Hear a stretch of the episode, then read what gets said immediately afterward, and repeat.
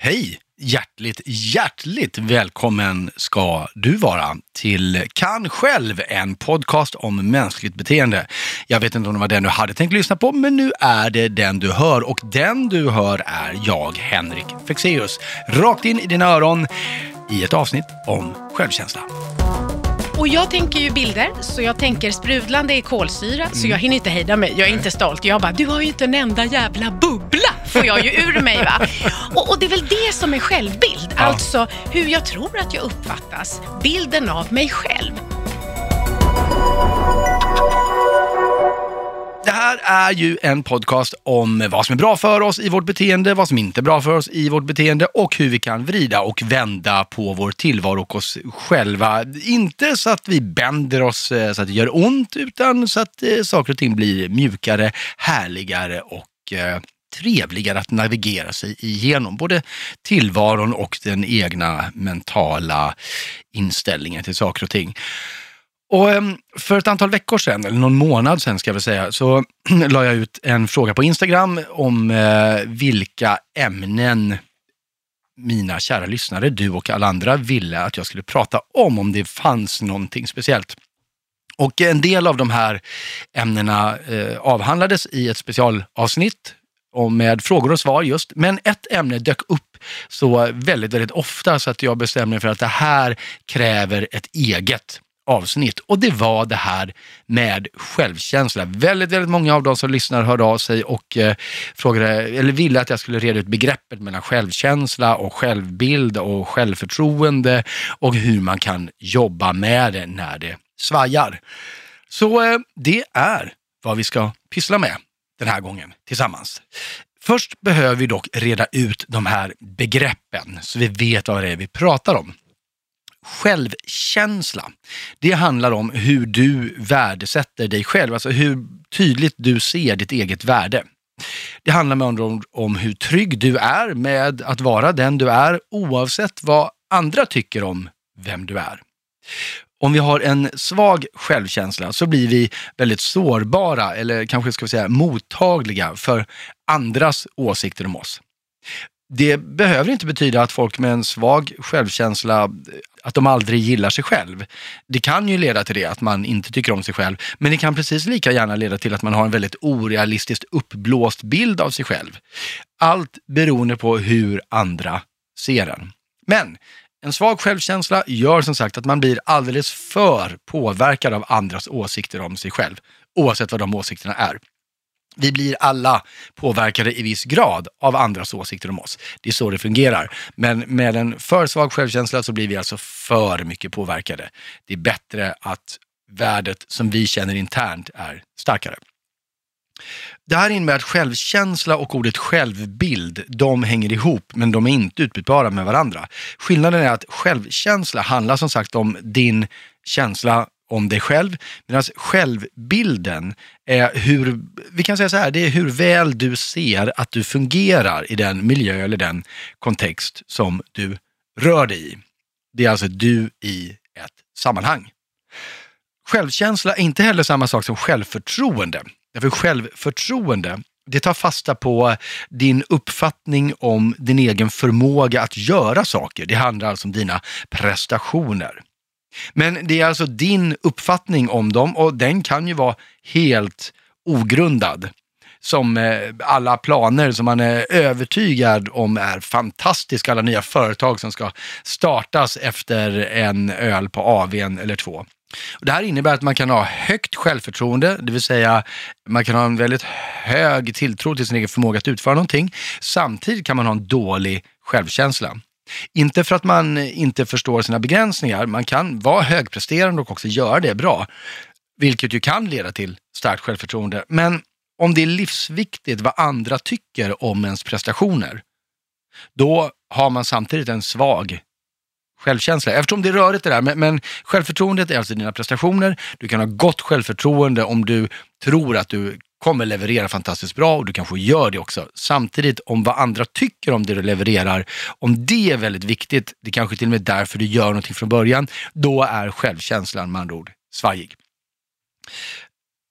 Och faktum är att jag läste någonstans att dålig självkänsla är en av de främsta anledningarna till att man söker sig till terapi. Även om man själv tror att det kanske är på grund av något annat. För självkänslan är många gånger väldigt sårbar hos oss alla. Och det är olyckligt. Därför att vi mår bra, vi fungerar bättre i vår omgivning när vi har en stark självkänsla. Så hur kommer det sig då att den här viktiga delen av vår identitet, hur vi ser vårt eget värde, att det är så sårbart? Ja, en förklaring kan ju vara att vi genom hela livet har byggt en stor del av vår, just vår identitet på hur vi blir behandlade av andra. Om du möter någon som du tycker är en idiot kommer du behandla den personen så som du behandlar idioter. Det vill säga, du möter andra utifrån hur du vet att de är. Du vet att det är en idiot, så du behandlar dem som en idiot. Eh, och det är inte alltid vi funderar på om det här vi vet om andra, om det faktiskt är helt sant. Så när andra behandlar dig på ett specifikt sätt så är det för att de tycker att de vet att du är kreativ, eller pålitbar, eller slarvig, eller en idiot. Och Eftersom de flesta av oss faktiskt ständigt tvivlar på vår egen identitet, det är inte bara du, det är alla. Eftersom den är så komplex, vår identitet, då lyssnar vi omedvetet på andra som verkar veta hur vi är. Om vi inte vet, då är det bättre att lyssna på dem som verkar veta. Och så låter vi det övertyga oss. Alltså, en stor del av vårt beteende och hur vi ser på oss själva formas av hur andra behandlar oss.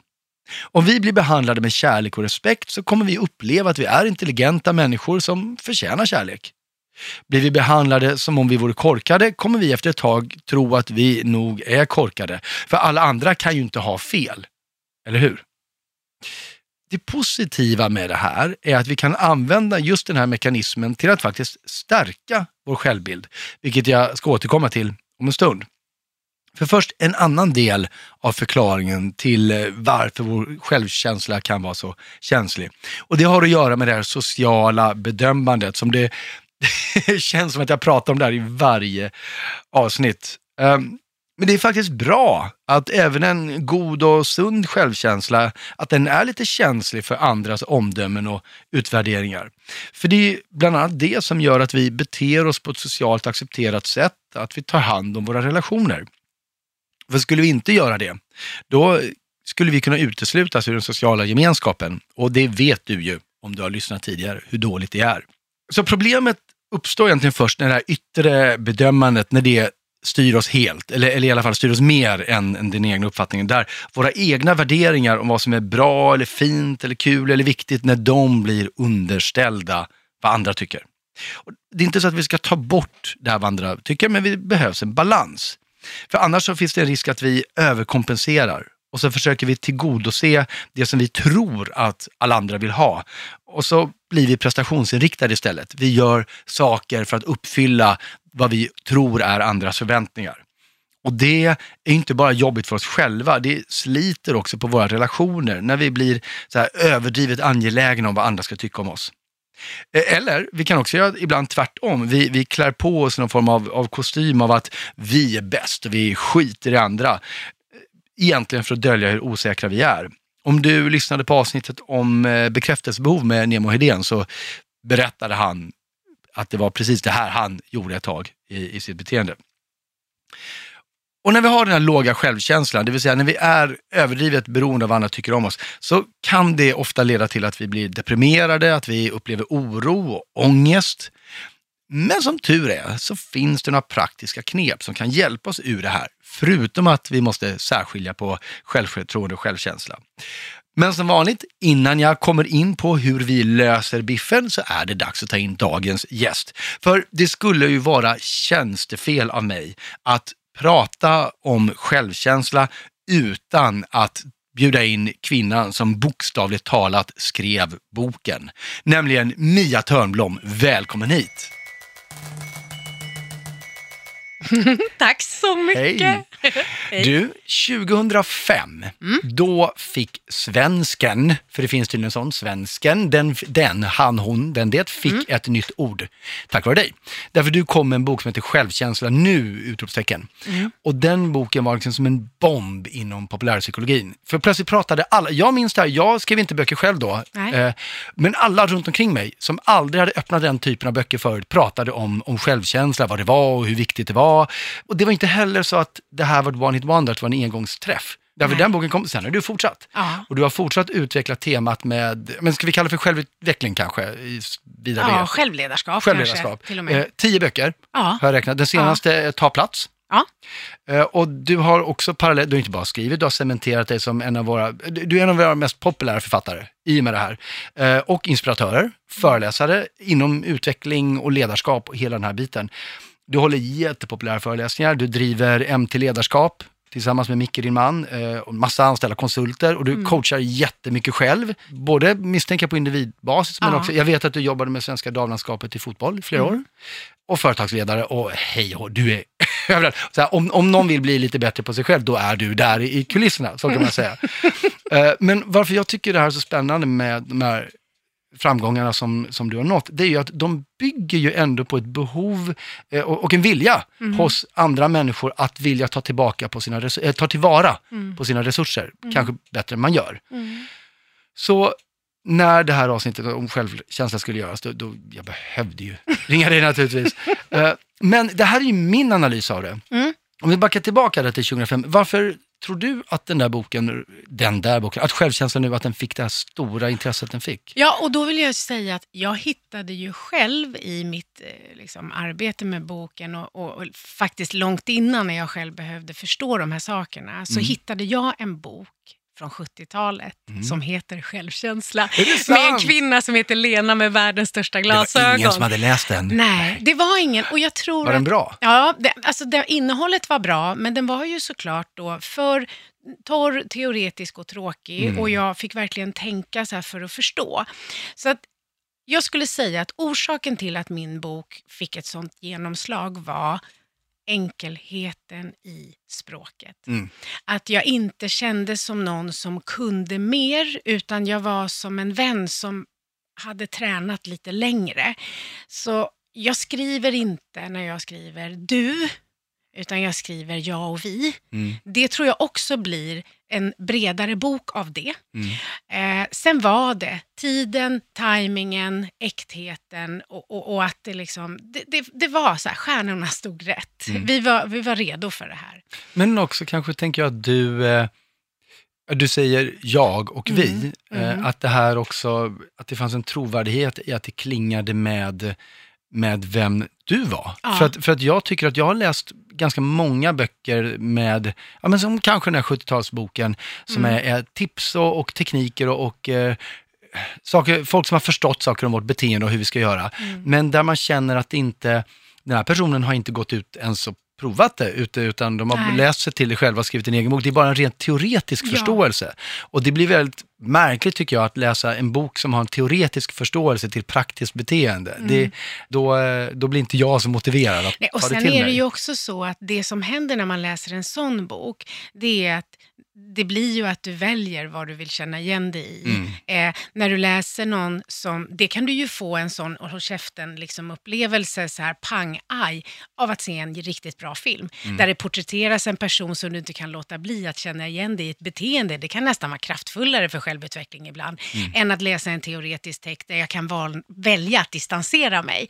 Så att just det tror jag att min ärliga öppenhet kring att jag ett helt liv hade haft väldigt bra självförtroende eh, men aldrig känt att jag dög som jag var. Men jag visste ju inte det. Nej. För det var ingen som hade förklarat, för man pratade bara om självförtroende. Så att min vändning där när jag satt i gruppterapi och, och terapeuten säger ert problem är att ni inte tror på er själva och jag bara nej, alltså fy fan mitt problem är att jag tror för mycket på mig. Det är inte där det bor, det är något annat. Och där började min resa. Ja. Men, men sen är det ju lite Lite så här med, med det här med, med självkänsla och egenvärde. Eh, jag pratade ju även i den första boken om mer än bara inre trygghet. Eh, och, och jag tänker att se alltihopa som en form av självledarskap. Alltså, Mm. Det är lite som att jämföra med fysisk träning. Vi vet alla att vi mår bra av att träna, att det är en kompetent, det är färskvara. Eh, men också att har man för ensidig träning så, så är inte hela kroppen lika stark. Jag tänker på det när jag jobbar med damlandslaget i fotboll. När vi lägger upp deras fysiska träning så gör vi det super liksom, alltså verkligen så här inriktat på deras nuläge, behov och önskat läge. Mm. Är, är man stark i sprint så är det inte där vi lägger den största Nej, kraften det. om man är svag på huvudet. Och det är därför jag gillar hela självledarskapstänket. Men, men vad, vad, är, vad är skillnaden då? Ja, men, al- alltså för mig så handlar självledarskap eh, extremt mycket, jag skulle säga om jag ska ha en pitch nu, så, Mm, ja, och frågar mig. igen, så här, vad Säg- är självledarskap? Säg var- det igen. var- varför ska jag mig om självledarskap? Ja, och då skulle jag säga självledarskap innebär att i alla situationer, relationer och konflikter se och ta ansvar för sin egen del. Det är liksom min mening just nu. kan ändra mig imorgon, men just nu om jag skulle vara tvungen att säga vad det handlar om. Och väljer man att göra det, att, att inte, om du ger mig kritik, så här, förkasta, försvara, förklara, utan verkligen vilja förstå och förändra, alltså ha det där i mig, så är det omöjligt att inte jag kommer få starkare självkänsla av det. Varje gång vi tar eget ansvar så är det som att fylla på. Varje gång vi skyller ifrån så tappar vi självkänsla. På samma sätt, våra normer och värderingar. Alltså, går jag emot något som jag själv tycker är fel, så kommer det urholka min känsla av egenvärde. Mm. Eh, men äger jag upp att leva efter mina normer och värderingar så stärker jag den. Så för mig är det inte bara självkänslan utan det handlar också om eget ansvar. Det handlar om mod. Det handlar om strukturerad metod för reflektion. Det handlar om motivation. Alltså så att det, det är större än Ja, bara förstår. tryggheten. Så Jag skulle jag säga. Just det. Och tryggheten, det är självkänslan. Ja, men självkänslan är väl konditionen då? Ja, men sen är det bra om man har starka ben också. Just det. Så kan man säga. Självbild då? Det hänger ihop. Och då är ju det ibland så att människors upplevda självbild, alltså jag hade en utbildning och det var en kvinna som såg ut som hon behövde akut åka på spa. Eh, och, och, alltså hur, helt, hur ser man ut då? Ja, men alltså, hur ska jag förklara det här? Jag kan förklara för du vet när de är helt, inte energitjuvarna, Nej. utan de där som, de är helt slutkörda. Man bara tänker så här, jag tar med dig, lägger in det på spa och tänder liksom lite så ljus eh, och, och, och doft och så, massage. Och jag frågar henne dag två så här, hur tror du att vi andra uppfattar dig efter de här två dagarna? Och tänk nu akut spa. Mm, Ja, och hon svarar så här på fullaste allvar, sprudlande. Oj! Ja, ja. Ja. Mm. Och jag tänker ju bilder, så jag tänker sprudlande är kolsyra, så jag hinner inte hejda mig. Jag är Nej. inte stolt. Jag bara, du har ju inte en enda jävla bubbla, får jag ju ur mig. va? Och, och det är väl det som är självbild, Ja. alltså hur jag tror att jag uppfattas, bilden av mig själv. Men känsla av egenvärde, Mm. det är ju lite mer liksom, mm, mm, rucka på, men allt hänger ju ihop. Mm. Jag tror att det är bra om vi tillåter allt att hänga ihop, precis som vi har en kropp med armar och ben och alltihop och vi behöver liksom konditionen i inre för att allt ska liksom vara på plats. Skulle du säga att, för jag tänker mig att den här självbilden, Mm. den kan ju, eh, det kan ju formas på flera sätt. Det kan Mm. ju vara så som jag tror att, eller så som jag tycker att jag är och därför förutsätter att alla andra ser. Ja. Det kan vara så som jag hoppas att andra ska se mig. Mm. Eller det kan vara så som, att, så som jag tycker att an, tror att andra ser mig oavsett om det stämmer med vem jag känner att jag är eller inte. Ja. Förstår du vad jag menar skillnaden? V- Finns det någon av de tre sätten som är vanligare än något annat att skapa självbild på?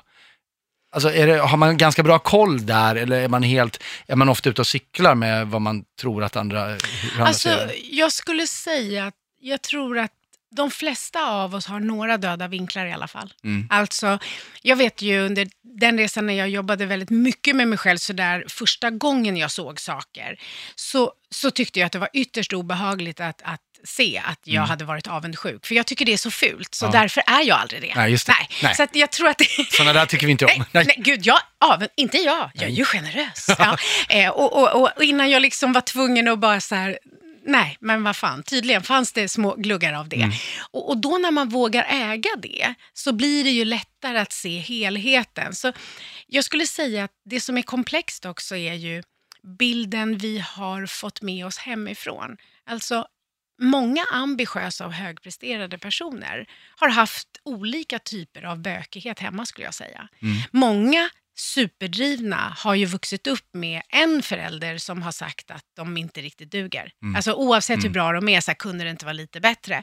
Och det som kan hända då är ju att bilden är att jag har bara ett värde om jag är bäst. Och bilden är också att det aldrig riktigt är tillräckligt. Mm. Fast det kanske visst är det. Mm. Så jag skulle säga att ju mer vi låter oss själva äga alla de här begreppen och dansa med dem eh, och ju mer träning vi gör kring dem, ju lättare blir det att förstå det. Men behöver det alltid vara, jag tänker på det nu, om man har det här drivet för att man har haft en förälder som Mm. sa att mm, ja men okej, Mm. men kan du inte bättre? Mm. Eh, behöver det vara dåligt då? Nej, jag skulle bara säga så här att eh, skillnaden är att alltså, ambitiös och driven, det är en personlighet. Den går liksom inte över. Mm. Skillnaden är att om man lär sig eh, liksom träna självledarskap, vilket handlar även om behov och massa saker, så kommer man märka att man hämtar drivkraften ur lust. Mm. Att eh, leda, tävla, vinna, kommunicera, motivera, vad man nu vill. Men om man tappar den där inre tryggheten eller aldrig riktigt kanske har fått lära sig någon så skulle jag säga att i de fallen så är drivkraften istället sprungen ur oro och rädsla. Mm. Alltså, man är rädd för att misslyckas, inte drivs av lusten att lyckas. Det. Och då funkar det, man når mål, men håller ju inte så länge. Nej, jag skulle Eller- säga det känns som att man inte lever lika länge kanske. Nej, jag tror inte. Och det är som med landslaget i fotboll. Då berättar ju målvakten Hedvig, som har flest landskamper, att hon minns inte matcherna de första åtta åren. För hon var helt skräckslagen för att liksom släppa in mål. Du fattar? Ja, ja. Och sen nu när hon har blivit trygg i sig själv, då har hon ju så jäkla mycket roligare. Mm. Så jag tror att en del högpresterare, när de hör det här att känna att man har ett egenvärde och duger som man är, Mm. då tror de att man ska sluta vara driven. ja, just det. Nej, men det går ju aldrig över. Det är en personlighet. Man ska bara vara hållbar för helvete och ha kul, men fortfarande vilja lika mycket. Jag tror att det var bergsbestigaren Göran Kropp som eh, är död nu, men eh, som, han fick en fråga någon gång vad som driver honom Ja. att, att bestiga alla dessa berg och, och han sa att eh, jo, jag vet exakt vad som driver mig. Jag behöver visa min pappa att jag duger. Ja. Bara, men Göran, din pappa varit död i 20 år, bara, det spelar ingen roll. Eh, och det kändes lite sådär, ja, Mm. kul att han gick upp för berget, men, men eh, det hade varit roligare om han hade haft en ytterligare orsak att Ja. göra än att Jag coachade en sån man som var bäst i Europa på sitt jobb, Cell Telecom. Eh, sju år senare så vinner han fortfarande tävlingar. Mm. Eh, men förra året vann han tävlingen som bästa chef på den arbetsplatsen. Mm. Alltså, Mm. då tyckte ingen om honom på Nej, jobbet. Nu får han pris som bästa ledare, framröstad av sina medarbetare. Så att jag hoppas att Göran Kropp också tyckte om att klättra. Han, han sa ju att han ja, gjorde det, ja, så det var väl en kombination där. Man får ja. hoppas att det finns en perfekt balans Och någonstans. kanske eftersom han kunde säga det, så hade han landat i att han numera gjorde det för sin egen skull. Att Just hans varför, att starten var att visa, eh, men att han sen fortsätter för att han själv trivdes med det, det hoppas vi. Det känns Men det här, intressant också det här med eh, huruvida man drivs av, att, av misslyckanden, rädsla för misslyckanden eller Lust lusten att att, lyckas. Eh, och också eh, med landslagsmålvakten där. Därför mm. att jag får ofta, nu ska jag prata om mig, Mm. eh, Ja. men jag, jag får ofta frågan sådär, speciellt om man ska vara med i en intervju, och, men, men eh, kan du berätta om någon gång när det har gått helt fel på scen?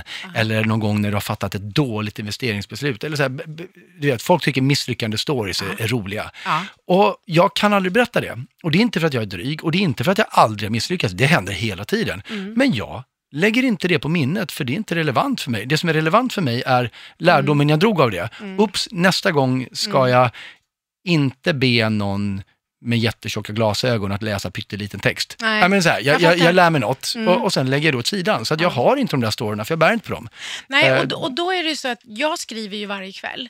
Alltså jag tittar på vad var inte så bra idag och vad blir min lärdom? Alltså Mm. jag vill ju utvecklas. Så att på samma sätt som du gör analysen, jag gör min skriftliga Men är, är varje det kväll. dumt då? Ska jag ha kvar de här misslyckandena Alltså, kanske? det beror lite på vad du vill. Jag coachar ju som du säger väldigt mycket. Och mina böcker är ju uppbyggda på det sättet att jag bjuder på egna erfarenheter. Mm. Och människor orkar inte lyssna på för mycket det har gått bra, Nej. har jag förstått. Nej. Utan de, de vill att det ska, och det blir hoppfullt. Och, och, och Så för andras skull kan jag ha kvar Ja, dem. så det är för andras skull. Det är för att vi Ja. ska orka våga. För vi, vi orkar inte. Man går ändå runt och tänker på den här Instagram-miljön där de till och med stagear när det är stökigt. Liksom. Mm. Vi vet intellektuellt och ändå när vi scrollar så känns det som att, alltså hela den här, så att Mm. det finns en befrielse i generositeten av att bjuda på, på det som inte gick så bra.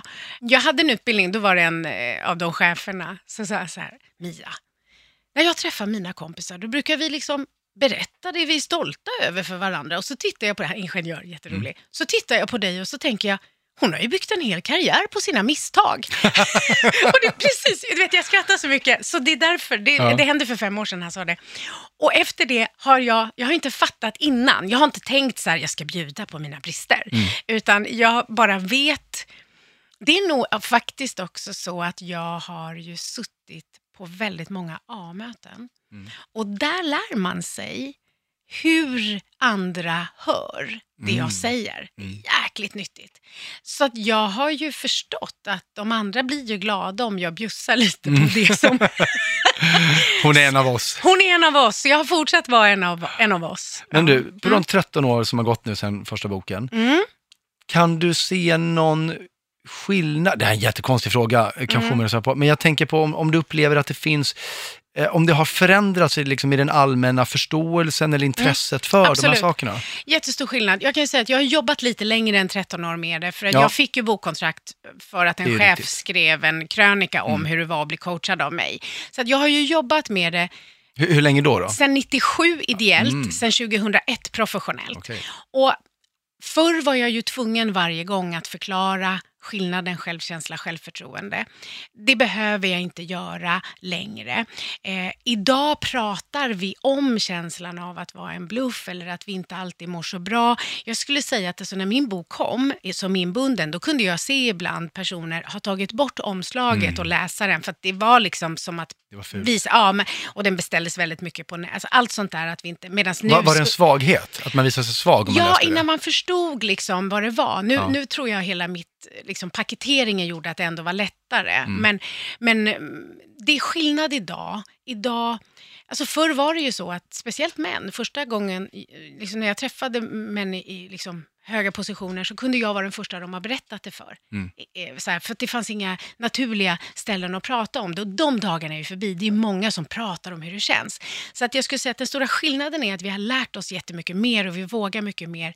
Men vi lever ju också i en mycket, mycket tuffare tid. Mm. Alltså, den tid vi lever i är ju magisk. Vi är ett klick ifrån all inspiration, all kunskap, all kompetens som vi överhuvudtaget ens kan liksom fantisera om. Men om vi inte har rätt mindset, liksom, återigen starkt självledarskap, så blir det inte den vi tid vi lever i inspiration. Det kan vara så illa att det blir depression. Därför att vi har så många ögonblick av reflexmässig jämförelse idag. Och har man då inte så här att jag tittar på dig och tänker wow vad han är begåvad och sen punkt. Utan, och här sitter jag, jag kan knappt stava. Alltså, vi var inte lika utsatta för det här förut Mm. Som det är idag. Så att vi kan mer, vi har lärt oss mer, men vi har mycket värre uppförsbacke nu när det gäller just den här känslan av att vara okej. Och det där, det där kanske vi ska förklara lite också, för du som lyssnar, jag vill vara jättetydlig med det här, att, att eh, precis det Mia sa nu med, med den här jämförelsen, allt du ser och hör och, och alla dina intryck, för att förstå dem, så jämför du alltid dem med någonting annat. För att veta om vattnet är varmt så jämför du det med känslan av kallt vatten. Så att vi, vi förstår väldigt lite liksom isolerat, eh, det är bara så hjärnan funkar, att vi jämför intrycken hela tiden. Om någonting är, men det innebär också att, att, så att om du ser två personer på krogen, där en är attraktiv och en är lite mindre attraktiv, då kommer de bli ännu mer respektive mindre attraktiva än om du hade sett dem var för sig. Därför du jämför dem med varann. Så att vi jämför hela tiden. Och precis som du är inne på Mia där, eh, vad, det olyckliga som sker nu, det är ju att vi kan jämföra oss själva, för det Ja. gör vi också, med så otroligt mycket, där väldigt mycket är fake. Ja. Och vi vet inte det. Och då är vi tillbaka i, i eh, stageade Instagram. Ja, men det är vi ju. Och där är det ju också, alltså, de, den eh, generation som växer upp idag, de speglar sig ju i Kardashians Mm, liksom, mm. och Zlatan. Eh, på min, jag är jättegammal, jag är klimakterie 50 plus, underbart, älskar att bli äldre. Men på min tid så var det liksom klassen, Ja. min högstadieskola, eventuellt högstadieskolan i förorten bredvid. Eh, det var tillräckligt komplicerat och, och just det här också att vi har hela tiden det här inf... Alltså vi, Mm. Jag skulle säga att de metoder jag lär ut för strukturerad daglig reflektion som man skriver varje kväll, som jag har gjort varje kväll i 21 år, liksom, det är en del av det jag gör. Det har aldrig varit viktigare att göra, skulle jag säga, än den tid vi lever i. Jag tyckte att det var viktigt när jag började, för min egen skull. Mm. Men jag är så glad att jag har rutin på det, för det, alltså, vi blir ju påverkade Mm. av allt som vi utsätts för. Och sen är det ju så att vår jämförelse av oss själva Ja. eh, hamnar i en kontext med andra människor som jämför oss med andra saker. Och vi pratar om självbild och dela Ja. vinkeln. Det här kan bli Ah. fullkomligt kaos. Jag minns för 1998, då jobbade jag på Kulturhuset Stockholm Mm. på en del som heter Lava. Och Lava jobbade med eh, oetablerad, ofta ungkultur. Ja. Eh, Så väldigt många av de som jobbade där var, hade ju någon form av, av konstnärsambition eller var liksom, gillade den alt, de alternativa kulturyttringarna. Så det var väldigt högt i tak. Eh, Jag kommer från ett annat håll, men, men eh, tyckte att jag, jag menar jag visste vad jag höll på med, jag, jag hade drivit klubb, jag hade jobbat som DJ, jag höll på med musik och, och tyckte om att rita graffiti och nej men sådär, såg mig själv lite som spontan så. Eh, och så gjorde vi någon övning, jag och de andra som jobbade på Lava där, Ja. eh, där vi skulle placera hur vi såg oss själva utifrån en massa kriterier och sen så skulle då vi också placera hur vi såg på andra. Mm. Eh, Och jag hade ju placerat mig då ganska högt upp i det där hörnet som sa så här, spontan och kreativ. Mm. Och alla, för, för så var jag, i alla fall i jämförelse med de jag hade runt omkring mig i normala fall. Exakt. Men de andra Mm. som jämförde mig med de övriga kollegorna på det där stället, Mm. de placerade mig ju längst ner i det där hörnet av den här liksom regelryttande byråkraten. Bara, Men hur, hur är det möjligt? Är det Ja. vi är samma? Bara, Tycker du, Henrik, att du är spontan och kreativ? Ja, ni skulle bara se mina vänner. Jag är Exakt. sjukt spontan och kreativ. Precis. Och det är ju precis det där att, att, att vi är ju liksom vi blir ju så påverkade och vi blir bedömda och vi blir jämförda och vår bild av oss själva är ju relaterad till den miljö vi, vi har vuxit upp i väldigt mycket. Mm. Och den miljö som är liksom vårt hemma och då speglar vi oss i det och sen kommer de där med sina... Det är roligt med Lava för då 98 när du gjorde det Mm. eh, så jobbade jag på ett ställe som eh, gjorde mycket utbildningar för Lava. Jaha, Är inte det, världen är liten. LSU, Landsrådet för Sveriges ungdomsorganisationer. kan ha haft dig som utbildare. Nej, det skulle jag inte ihåg. Nej, jag var mer ekonomiansvarig. Jaha, se där. Professionellt. Men du, om vi, om vi ska ge ett tips då Mm. till den som lyssnar, hur man ska, om, om inte annat med de här jämförelserna kanske, hur Mm. man ska hantera det. Eller, eller någonting annat. Ja, eh, jag skulle säga så här eh, kort. Försök att i alla situationer se, vad är mitt? Alltså inte fel, utan har jag någon del och äg det. Se att hitta en del i en situation eh, ger dig möjlighet att, att utvecklas. Eh, att, att vara offer för andras tillkortakommanden ger ingen utveckling alls. Så just det här med att gilla att se sin egen del och ta ansvar. Många behöver bekräfta sig själva. Många har en väldigt hård inre domare som gör att de duger aldrig. Och då är det ju så att det är igen, för att vi ska kunna titta på något som inte blev så bra och lära oss av det, så måste vi vara helt trygga i att vi gör jättemycket bra. Så bekräfta sig själv. Skriv ner varje kväll. Vad var det som var bra idag? Eh, det tycker jag är viktigt för många. Hur många saker ska man ska göra? Ja, men det beror lite på. Jag, jag har ju skrivit så länge så att jag, jag, jag tycker inte att det är viktigt att det är många. Men däremot kanske att man lär sig se. Får man Alltså- skriva samma? Man ska skriva samma för vi är ju som vi är. Alltså, jag Nej, men jag menar- menar, får jag skriva samma idag som igår? Och... Ja, det får du, men berätta gärna varför. Ja. Alltså så här, om du säger så här, ah, men jag är omtänksam, Jaha, hur märktes det idag? Och då kan du skriva hur det märktes. Eh, det skulle jag säga är, är viktigt. Men sen har vi också det här med behov. Jag tänker, jag träffar ju så mycket smarta människor.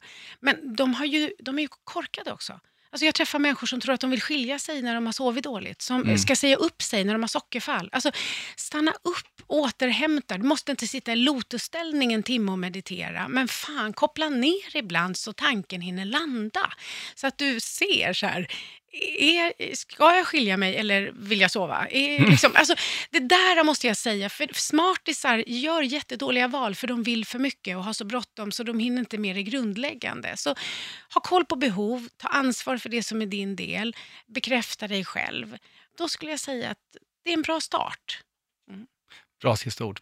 Tack så jättemycket för att du kom hit med. Tack för att jag fick komma. Jag tycker att eh, Mias ingång där med självledarskap tyckte jag var väldigt bra. Eh, jag har aldrig tänkt på det, att, att självkänsla är ju bara någonting vi går omkring och bär på, liksom konditionen som man sa, men den här behöver ju förstås användas också för att vår tillvaro ska bli så härlig och rolig och meningsfull som möjligt. Och då handlar det ju om att ha ett bra ledarskap på sig själv, eller på sig själv, med sig själv, för sig själv. Att leda sig själv och sin självkänsla dit man behöver den. Men hallå där, Henrik kanske du nu tänker. Du Henrik, du presterar ju absurt mycket. Drivs inte du egentligen av ett oerhört behov av andras gillande? Är inte din egen självkänsla väldigt prestationsinriktad? Um, för att svara på den frågan så är svaret eh, jo. Faktum är att innan jag spelade in det här avsnittet så gjorde jag ett självkänslatest på nätet. Och enligt det så fanns det delar i min självkänsla som mycket väl kunde förbättras. Men vet du vad? Det tror jag gäller för alla. Jag tror att det finns få personer som har en helt eh, ska vi säga, skottsäker självkänsla. Och grejen är att det är helt okej. Okay. Så länge vi vet om vilka som är våra svagheter. För när vi möter dem, då kan vi välja att ta ett djupt andetag, vi ser dem för vad det är och så ignorerar vi bara den här tillfälliga svackan i tron på oss själva. Eller som Mia sa, vi klarar av att ställa oss frågan om jag verkligen vill skilja mig eller om jag bara behöver sova lite eller äta en bit choklad. Och jag vet vilka som är mina svagheter, så jag ser dem när de kommer. Och det är också så att eh, vi kan inte gå omkring och hoppas att, att alla ska gilla oss och det vi gör. För som jag för övrigt skriver om i min bok Fingertoppskänsla, det kommer alltid finnas de som inte gillar det du gör. Oavsett om alla andra tycker om det så kommer det finnas någon som tycker annorlunda. Och om du då är väldigt sårbar för vad andra tycker så blir det ohållbart, för det går inte att tillfredsställa alla på en gång. Och en av lösningarna på det här, det är faktiskt att, att bara inse det. För det handlar inte om att du gör något dåligt eller att du gör någonting bra heller för den delen. Därför att precis som att vi har olika musiksmak har vi alla olika preferenser och värderingar i det mesta. Det kommer alltid att finnas de som tycker att den där filmen som vann 50 Oscars, att den är skräp. Det betyder inte att de personerna är obstinata eller att de har dålig filmsmak. Det betyder bara att de har andra preferenser än vad majoriteten har. Så om någon inte uppskattar dig, säger det bara något om dem och deras preferenser. Det säger ingenting egentligen om dig. Nu är ju tyvärr de här andra personerna ofta omedvetna om det och därför kommer de försöka lägga det på dig. De kommer säga att det är du som är på ett visst sätt. Precis som att de, inte, de som inte gillar Oscarsfilmen kommer skylla på filmen. och kommer säga att filmen var dålig och därför kan du få höra att du inte är bra. Men det betyder inte att det är sant. Det betyder bara att det du gjort inte stämmer med deras personliga preferens om vad som är bra och inte. Ingenting annat. Så, och överlag, när du, om du börjar tvivla på dig själv eller kanske till och med blir övertygad om att det du gör inte är så bra, så finns det en jättebra kontrollfråga som du kan ställa till dig själv. Och den frågan är det här. Var finns det objektiva beviset för att det här negativa som du säger eller tror om dig själv, att det är sant? Finns det ett mätbart kriterium för det här? Finns det en mall? Finns det ett mejl där det står att det här är vad som ska presteras och ingenting annat? När hade du samtalet där det här befästes och som inte var färgat av någons personliga åsikt? Var finns beviset för sanningen i det här du tycker? För om det bara är du som tycker, om det visar sig att beviset inte finns, om det objektiva standardiserade mallen för ditt beteende som säger att det där var dåligt, om den inte finns, då är det ju bara du som tycker att det är så. Och då är du fri att tycka någonting annat. Eller prestera någonting annat om det är det som är jobbet. Och varför det här är viktigt att hantera är för att en prestationsbaserad självkänsla, det kan leda till att du börjar grubbla, du kan börja få oro och det kan leda till depression, som jag nämnde innan. Det kan också vara bra att förstå att hjärnan bryr sig mer om negativ stimuli än om positiv. Därför att det är viktigare för oss att förbereda oss på fara, för fara. Så länge saker och ting är bra, då är allting okej, okay, det behöver vi inte bry oss om. Men dyker någonting negativt upp, då måste vi reflektera över det för att se om det är farligt för oss eller inte. Och därför kommer negativa kommentarer göra ondare och de kommer finnas kvar längre än vad positiva gör. Men det säger ingenting om huruvida de är sanna eller hur mycket du behöver bry dig om dem. Det betyder bara att din hjärna utlöser ovälkomna känslor i dig utan anledning. Och återigen, genom att veta om att hjärnan funkar på det här sättet, att den fäster vid negativa kommentarer i någon form, eller negativ input egentligen, i någon form av primitiv överlevnadsinstinkt, det gör att det blir lite enklare att ignorera dem, även när de känns. Och ett sista tips för att återknyta till det här resonemanget om hur vi skapar vår självbild. Jag lovade ju i början av avsnittet att nämna hur vi kunde använda den där mekanismen till vår fördel. Så är det så här, du kan ju bete dig som du vill vara. Du kan fejka. Jag sa innan att vi formar en bild av oss själva utifrån hur vi blir bemötta. Men det bemötandet formas i sin tur av vårt yttre beteende. Och Det här betyder att om du beter dig som om du är säker på din sak, om du använder den typen av kroppsspråk och den typen av tonfall, så kommer du bli bemött som om du är säker på din sak. Varpå din hjärna tolkar det bemötandet som att du förmodligen verkligen är säker på din sak, eftersom det är så folk beter sig mot dig. Och oroskänslorna, de känslorna som säger att jag är inte så säker, försvinner.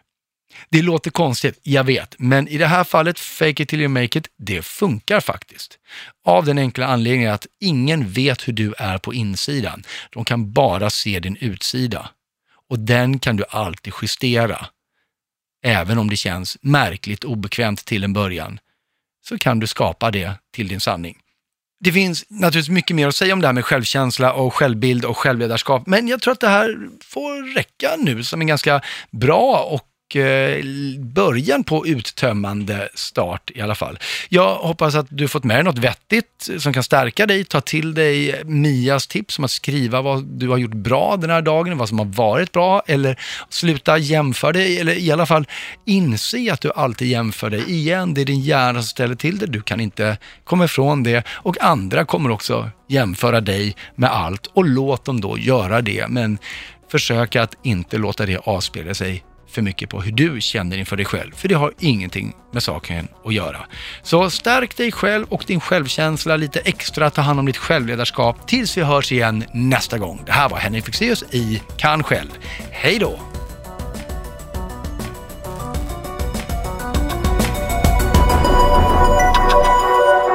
Produceras av I Like Radio. I like radio.